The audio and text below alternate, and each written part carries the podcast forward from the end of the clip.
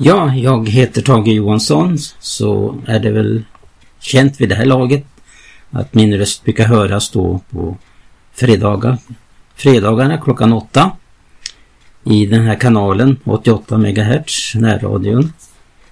Och eh, jag tänkte nu några program här framöver tala om någonting som eh, har varit eh, någonting väldigt levande och eh, Eh, dyrbart för min del. Det finns ju många ting att eh, lyfta fram utifrån bibelordet. Och det jag tänkte nu speciellt det är det som har att göra med vår kallelse som kristna att vara en själavinnare. Jag eh, brukar tänka på var Frank Mangs satte för eh, rubrik på en av sina böcker. Och den här rubriken säger verkligen någonting av betydelsen att eh, vad kallelsen gäller för oss som kristna. Det är vad han tar upp i den här boken och eh, artikeln heter, eller rubriken heter Varje kristen en själavinnare. Varje kristen en själavinnare. Han får med väldigt mycket i, det påståendet. Och vi ska gå till eh, bibelordet. I, dels ifrån eh, Bibelns värld och tid. Då det handlar om att vinna människor för Gud.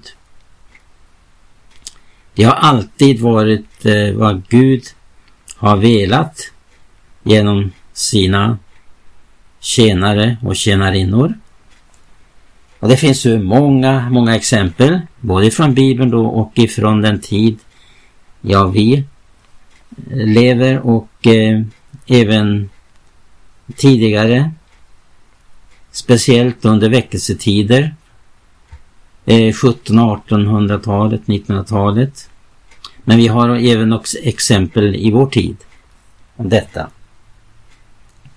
Först vill jag läsa ett bibelord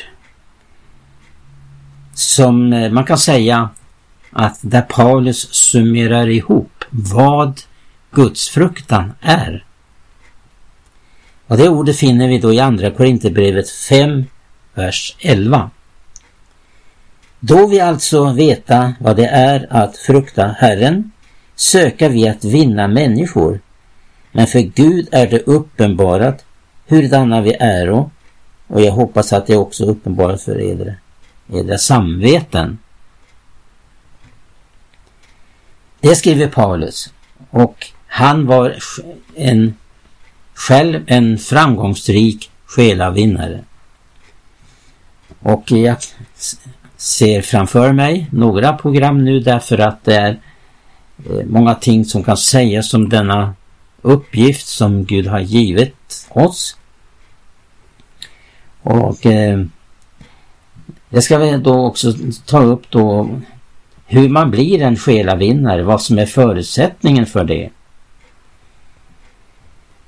Och det är eh, mycket intressant också att det här ämnet har tagits upp eh, ganska många böcker som jag själv har i mitt bibliotek.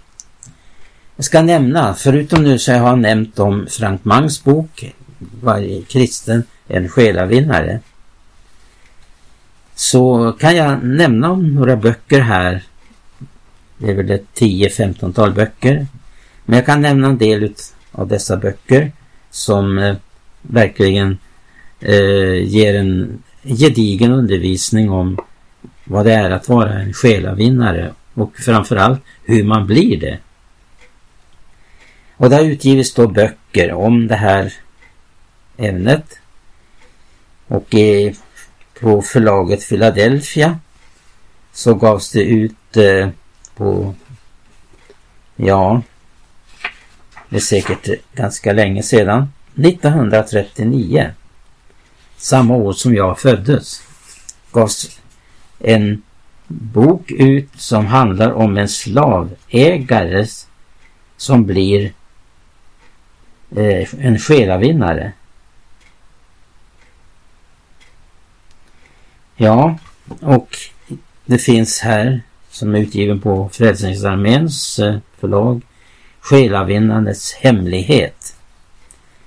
Nils E. Hansson han skrev ju också både ett häfte och en bok om just eh, det som handlar om just detta att vinna en själ för din Gud.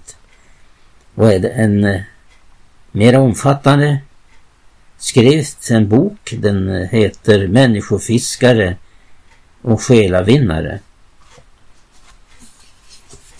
Och vi har också den kände predikanten Erra Torry som eh, också undervisar om hur man vinner människor för Kristus. Spurgeon, detta ämne låg honom mycket varmt om hjärtat och han var verkligen själv en, en framgångsrik själavinnare. Och han har skrivit dels en bok, Människofiskare, men han har också skrivit en, en ganska så tjock bok som rätt och slätt heter Själavinnare. Den här boken är faktiskt på över 350 sidor. Och en för oss känd från vår tid, Erik Bernspång, han skrev Så räddas det. Erik Larsson, det, han skriver en bok som där titeln lyder Själavinnaren, en Guds medarbetare. En bok som, eller ett, ja, ett häfte på en 80 sidor ungefär. Ja, inte ens det, den är på 44 sidor. Knut Pettersen. En gång i tiden föreståndare för pingstmenigheten i Oslo. Och den här eh, häftet har fått väldigt stor uppmärksamhet och den heter Rädda dem. Och Frank Mangs han eh, berörde det här ganska ofta och genom att han själv var engagerad i själ, sin själavinnargärning. Och eh, då har han också, förutom den bok jag nämnt här, varje kristen själavinnare, så har han också skrivit en bok, Din uppgift. Och så har vi Nils E. Hansson, han var ju eh, predikant och eh, missionär. Där han skriver om bönen och själavinnandet. Eh, nu ska vi också, nu ska jag ha Gertrud med här, jag ska läsa lite grann från den här boken eh, varje kristen en själavinnare av Frank Mans. Ett litet smakprov vad han tar upp i den här boken. Ja, det står så här. Efter uppståndelsen mötte Jesus sina lärjungar på ett berg i Galileen från vilket han hade en vid utsikt över en stor del av landet och en god del av världen. Där lyfte han sina spikmärkta händer och pekade ut mot världens fyra hörn och sa Gå ut i hela världen och gör alla folk till mina lärjungar. Han bjöd dem inte att slå sig till ro med vad de själva upplevat. Han befallde dem inte att bli eremiter eller pelarhelgon utan han bjöd dem att gå och stad och vinna andra. När Simon Petrus strax efteråt ville få ordning i och data för sina eskatologiska funderingar svarade Jesus det tillkommer icke eder att få veta tider och stunder som Fadern i sin makt har fastställt. Men när den helige Ande kommer över eder skulle ni undfå kraft och bliva mina vittnen. Det första som hände sedan den helige ande hade fallit över skaran, som i den övre salen förbidade uppfyllelsen av faderns löfte, var att de skyndade ut till andra för att dela med sig av vad de själva hade undfått. Det var ett inre tvång som drev dem, ty den helige ande tog vid där Kristus slutade. Han kom för att fullborda den mission som Herren Jesus hade begynt. Paulus går så långt att han säger, då vi alltså vet vad det är att frukta Herren söker vi att vinna människor. Och den logiska konsekvensen av det påståendet blir att om vi icke söker att vinna människor så vet vi inte heller vad det är att frukta Herren. I samma kapitel skriver han så som medarbetare förmanar vi er och att icke så mottaga Guds nåd att det blir utan frukt. Han skriver till vanliga kristna och kallar dem medarbetare. En medarbetare är inte en åskådare, utan det är en som med liv och själ tar del i verket. Och Paulus bjuder dessa människor att låta nåden verka så att de kan bära frukt åt Gud. Ty han mindes mästarens bud, jag har bestämt om eder att ni ska gå stad och bära frukt. Detta är inte bara ett nytestamentligt bud utan det är en naturlag i Andens värld. Det kom med i födelsen, svarade en söndagsskolpojke när läraren frågade honom varför han tyckte om far och mor. Detta levande intresse för andras frälsning kom också med i födelsen. Det har vi själva upplevt och det har vi sett hos tusende andra. Jag säger inte att man får gåvan och förmågan att vinna människor för Gud i samma ögonblick man blir en kristen, men man får ett levande intresse för deras frälsning. Ja, ja, så långt eh, Frank Mangs. En av dessa böcker nu som jag nämnt här så finns det en bok som heter jag vet inte hur det uttalas, John, eh, John R. Rice. Rice, ja. Mm.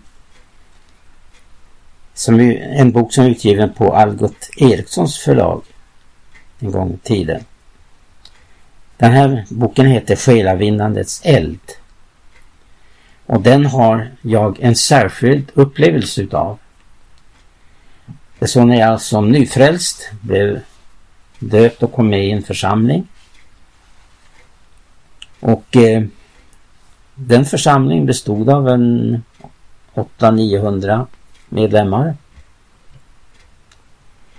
Och i den församlingen fanns det två bröder som genast tog kontakt med mig och min bror som nyfrälsta för att eh, leda oss vidare på vägen och visade stort omsorg. Men vad som var intressant med dessa två bröder det var just detta att de hade ett var, som var så fyllda i sina hjärtan av själavinnandets eld.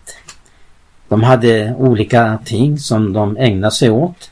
Bland annat så var det så här eftersom det, eh, det här handlar om eh, Uppsala. Så eh, eh begärde de att få med sig en liten sångarskara för att på lördag kvällarna åka ut till danstillställningar och begära att få säga några ord under pausen. Eh, till börja med så gick det bra där i församlingen att de fick med sig några eh, som var med för att också sjunga någonting under den här eh, pausen.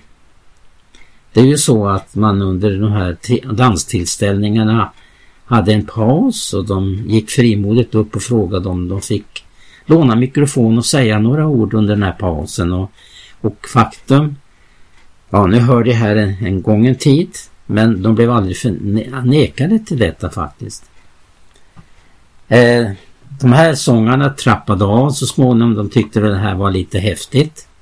De fortsatte själva och eh, det berättas för mig att eh, dessa två bröder de eh, no, var, var ute på alla den östra sidan av Uppland. Alla danstillställningar och festplatser, danshak. Och sa några ord om Jesus. Och det var många starka upplevelser de fick göra i samband med detta. De berättar till exempel att deras ben knappt bar dem när de skulle gå upp och börja. För att det förstår vi att det är väldigt avbrytande. Eh, det är en väldig kontrast på en danstillställning att gå upp och säga någonting om Jesus. Men därefter när de gick ner så upplevde de att de kände som de var burna av änglar och upplevde en väldigt underbar glädje och salighet. Ja, det här är bara ett exempel på just det här att eh, eh uppleva själavinnandets eld i sitt hjärta. När jag tänkte nog på de här programmen här jag ska göra framöver, det blir väl i alla fall två eller tre kanske, så vill jag beröra just det här hur man blir en själavinnare. Och eh, hur, det, hur man får uppleva att man blir en själavinnare. Och vad är som är förutsättningen? Vad är förutsättningen att bli det? Och då skulle jag vilja gå till den första punkten som gör oss till själavinnare. Och det är ju att få uppleva den helige Ande. Jag hörde här läsas ifrån Frank Mangs vad han hade att säga om det här så var det ju detta att eh, det, var, det, var, det som eh, eh var den stora eh, underbara uppgiften som Gud hade för dessa som Jesus hade utvalt att få gå ut med evangelium. Vi känner till det här, hur det gick ljuvliga ärkefotstegen av dem som frambär gott vittnesbörd. Men det som gjorde dem till själavinnare, det var ju upplevelsen av den heliga ande. Om man inte upplever den heliga ande kan man aldrig bli en själavinnare. Det är ju han, det, hemligheten till att bli en själavinnare, det är ju att uppleva den eld som Jesus kom för att tända, som han redan ville den skulle ha brunnit. Men han kom för att tända en eld i människors hjärta. Och upplevelsen av den heliga ande, dopet i den heliga ande, det var det som gjorde dem till själavinnare. Och att de gick ut, blev hans vittnen. Till och med som det står i grundtexten, de blev hans martyrer, hans blodsvittnen. upplevelsen av den heliga ande, det handlar om den heliga andes eld som drabbar en människa. Det är väl det första. Och eh, det andra är ju huruvida vårt böneliv är i funktion. För att utan ett rikt böneliv kan vi aldrig uppleva att vi bevaras brinnande och får äga själavinnandes eld. Den tredje frågan är ju också att förstå att eh, kallelsen till det här som eh, jag nyss läste här, då vi alltså vet vad det är att frukta Herren, söka vi att vinna människor för Gud. Gud har kallat varje kristen till att vara en själavinnare. Hon är kallad till det. Det är den stora uppgiften och det är en stor uppgift. Vi kan se utöver denna värld människor med sin position. Eh, det är regeringar som finns i olika länder och presidenter och eh, generaler och andra. Eh, så kan vi se det på ett mänskligt sätt att det är de som styr och det är de som har en oerhört stor uppgift. I och för sig är det sant, men den största uppgiften det är att ta emot en kallelse från Gud att vinna människor för honom. Och det handlar inte bara om någonting som gäller för den här tiden utan för evigheten. Sjunger inte vi en sång så här att ska det bli några stjärnor i kronan jag får? Tänk vad evigheten kommer att bli rik där vi har fört människor med oss. Det var när jag som nyfrälst hörde ett vittnesbörd en gång. Det var en alkoholist som hade blivit härligt frälst. Och han hade blivit frälst på det viset att någon kom till honom med vittnesbördet. Och därför sa han i ett vittnesbörd en gång när han vittnade efter att han upplevt frälsning och frigörelse från synden så sa han så här att när jag kommer hem till himlen det första jag ska göra det är att jag tackar Jesus för att han gjorde det möjligt för honom att få komma till himlen. Att han kunde bli frälst. Att det var Jesus som blev hans eh, förlossare. Men därefter skall jag gå till den som kom till mig och vittnade om min frälsning. Eh, om eh, den frälsning han hade upplevt. Tänk att vi har ju någonting att berätta för människor. Där oerhörda eh, undret när vi blev födda på nytt. Vad Jesus betyder för oss. Att eh, vi har fått våra namn skrivna i himmelen. Och för att uppleva den helige ande i våra liv.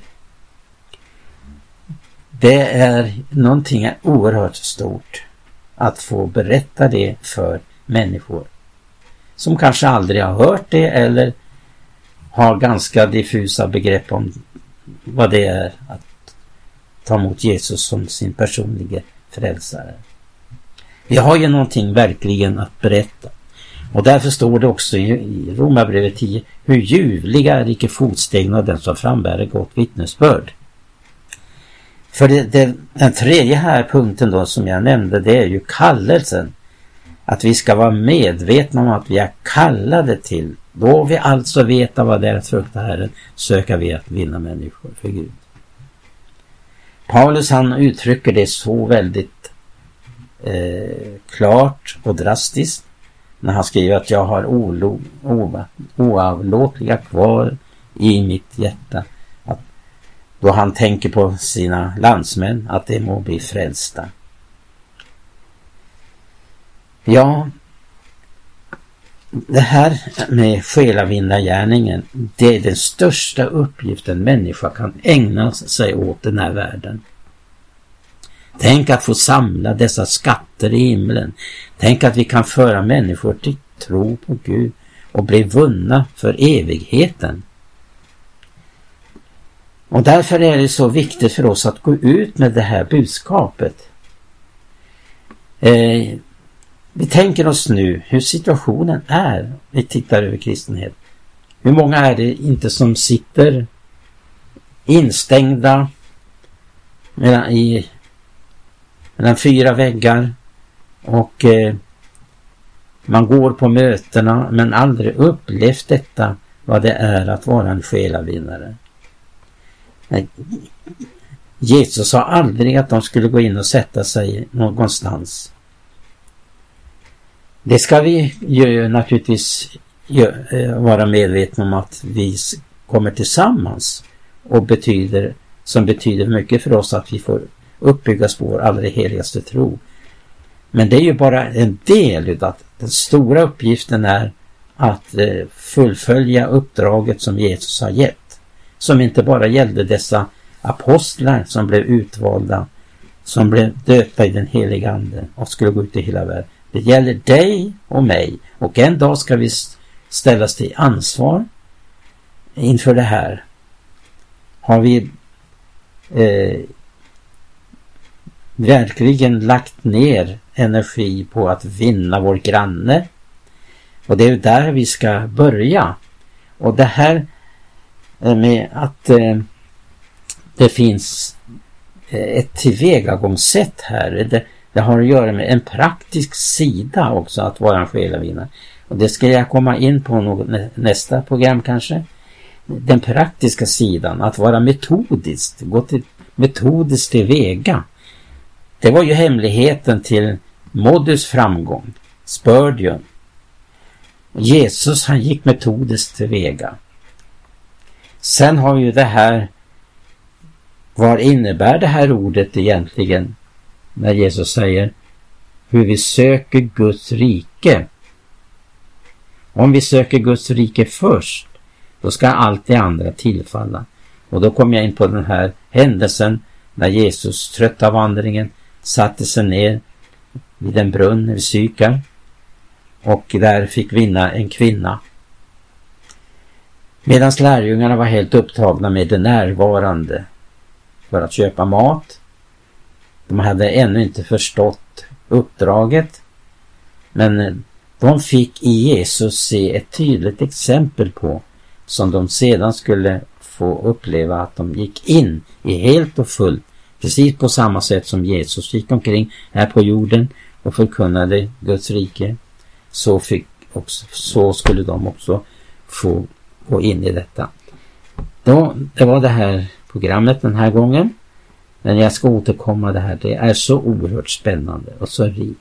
Den största uppgiften en människa kan få det är att vara en själavinnare. Gud välsigna dig och hörs igen.